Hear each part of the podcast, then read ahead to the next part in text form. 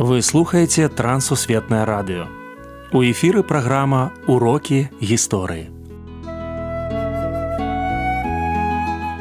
Запрашаем у падарожжа падзей, асоб і фактаў. Вучыцеся разам з намі.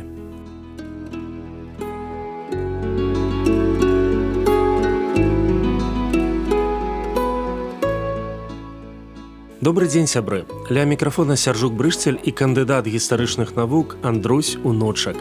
Сёння мы пагаворым пра слуцкія паясы. Прывітанне Андрусь. Прывітанне сяржук, прывітанне шаноўныя слухачы. Чаму слуцкія паясы называюць гістарычным і культурным брэндам Беларусі? Ну слуцкі пояс па-першае трэба разумець што гэта такое гэта э, вялізная такая стужка э, зробленая па найвышэйшых узорах тагачаснага ткацтва гэта 18 стагоддзя і якая сведчыла пра прыналежнасць чалавека для шляхецкага саслоўя пра ягоную заможнасць і пра ягоную прыналежнасць да менавіта вялікага княства літоўскага сённяшні момант гэта майстэрства яно страчанае фактычна ва ўсім яго аб'ёме. Але нягледзячы на гэта менавіта тое што рабілі ў слуцку гэта капіявалі фактычна па ўсёй заходняй Еўропе. І нават калі гэта майстэрства яго пераймалі іншаземцы яны ўсюды ставілі слуцкія паясы былі слуцкімі. Таму канешне бренд беларусі Па якой прычыне несвежскую мануфактуру князь радзівіл перанес у слуцк. Ранім флорыян радзівілы, які засноўваюць гэтыя мануфактуры, ён паставіў сабе за мэту стварыць персіярню такую вялікую фабрыку фактычна па вырабе гэтых паясоў. І несвіжскую і яшчэ дзве фабрыкі ён вырашыў аб'яднаць у адну і такім чынам горадам дзе была вось гэта дзе павінна быць гэта фабрыка быў выбраны слуцк. Плюс да таго ён туды запрасіў яна маджарскага. Ян маджарскі гэта быў найвышэйшы такі майстар па вырабе слуцкіх паясоў і ён вынайшаў асноўныя унікальныя ўзоры для гэтых паясоў. Таму менавіта аб'яднання вось гэтых трох фабрык у тым ліку і нясвіжскай яно паслужыла для стварэння унікальнай вось этой персіярні. Гэта сороквыя гады 18 стагоддзя. Як мясцовыя звычаі паўплывалі на знешні выгляд паясоў вельмі цікавы момант што у прынцыпе такія паясы яны рабіліся з узорамі блізкаўсходнімі. Тыя узоры яны захаваліся і пазней. Аднак была э, стылізаваная выява под беларускія узоры ўжо у 50 60 гады 18 стагоддзя мы ведаем колькі яны каштавалі. Каштавалі яны по-рознаму аднак можна сказаць што каштавалі яны вельмі шмат.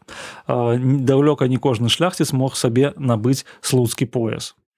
Андрусь у Масіма богдановича ёсць вядомы верш слуцкія ткачыхі нагадаю змест ад родных ніў ад роднай хаты у панскі двор дзеля красы яны бяздольныя ўзяты ткаць залатыя паясы і цягам доўгія часіны дзявочыя забыўшы сны свае шырокія тканіны на лад персідскі ткуць яны. Цямнее край зубчаты бора і тчэ забыўшая рука заміж персідскага ўзора цвяток радзімы василька. Што не так з гістарычнага пункту гледжання. Самае галоўнае, што мы маем вось апісанне слуцкай мануфактуры персіярні з 1757 году.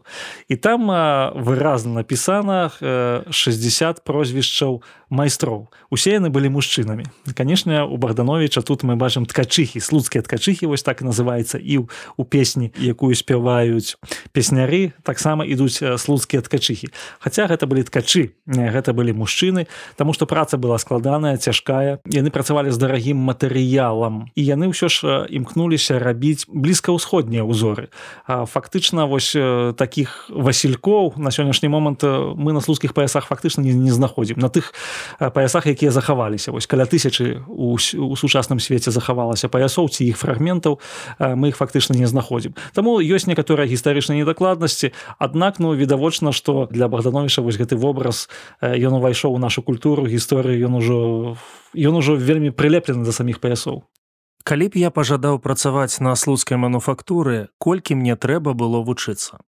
вучыцца патрэбна там жа. Вось Ян маджарскі ёсць ягоны контракт ён паступіў на службу да князёў радзівілаў у 1747 годзе.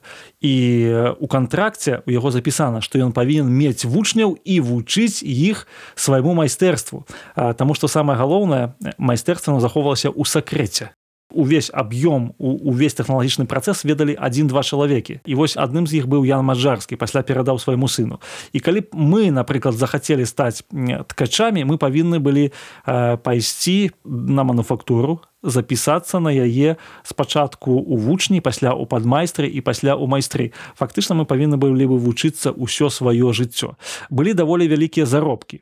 Вучні яны атрымлівалі толькі ежу под майстры яны атрымлівалі ўжо заробак а майстры яны ўвогуле былі заможнымі людзьмі. Так напрыклад кіраўнік гэтай мануфактуры ён набыў сабе вялізны фальварак за 30 тысяч залатых. Гэта былі на той момант гіганцкія грошы. Радзівіл не скупіўся але ўсё майстэрства яно атрымалася фактычна ў таямніцы. Некалькі цікавых фактаў пра лёс слуцкіх паясоў цікавыя факты што у беларусі фактычна арыгінальных паясоў цалкам не захавалася. Было вельмі шмат паясоў да другой сусветнай вайны але падчас вайны і пасля яе вывезлі паясы. Частка была у германії частка апынулася у польшчы частка у рассіі вялікая частка. І ў беларусі на сённяшні момант захавались толькі фрагменты арыгінальных гэтых паясоў. Яшчэ один такі цікавы факт что слуцкая мануфактура яна перастала працаваць у сороквыя гады 19 стагоддзя 10 100 гадоў яна працавала. Але у тридцатые гады ўжо нашэнне гэтых паясоў было забаронена.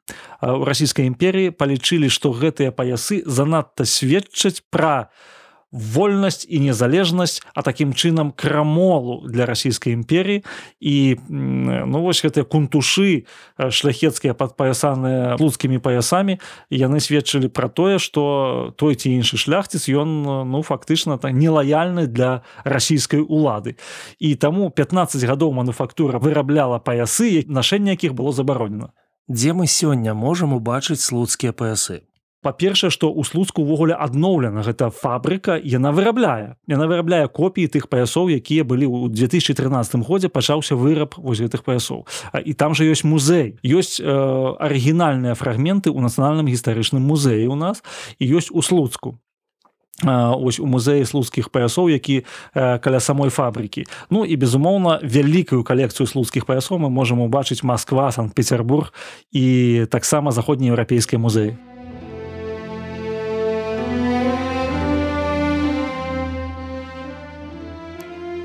Не ведаю, як вам, а мне балюча чуць, што так мала на нашых тэрыторыях засталося каштоўных гістарычных артефактаў. Канешне, улада спрабуе адрадзіць слаўнае мінулае. Сёння замежны станок вырабляе слуцкія паясы па сучасных тэхналогіях. Гэта вельмі добра, але яны адбітак, толькі цень былой славы. Сумна.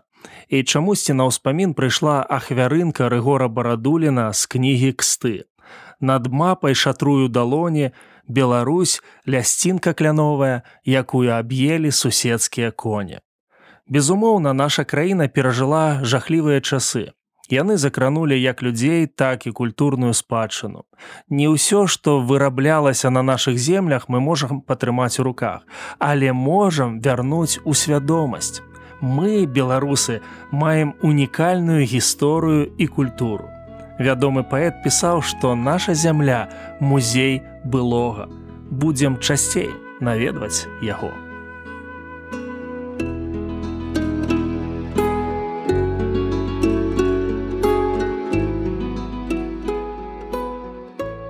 Дзякуй, што далучыліся да нашага праекту. Калі ў вас ёсць пытанні, пішыце калі ласка на адрас. Трансусветнае радыё, урокі гісторыі паштовая скрынка 45 індекс 22 40 20 город брест 20 Беларусь. До новых сустрэч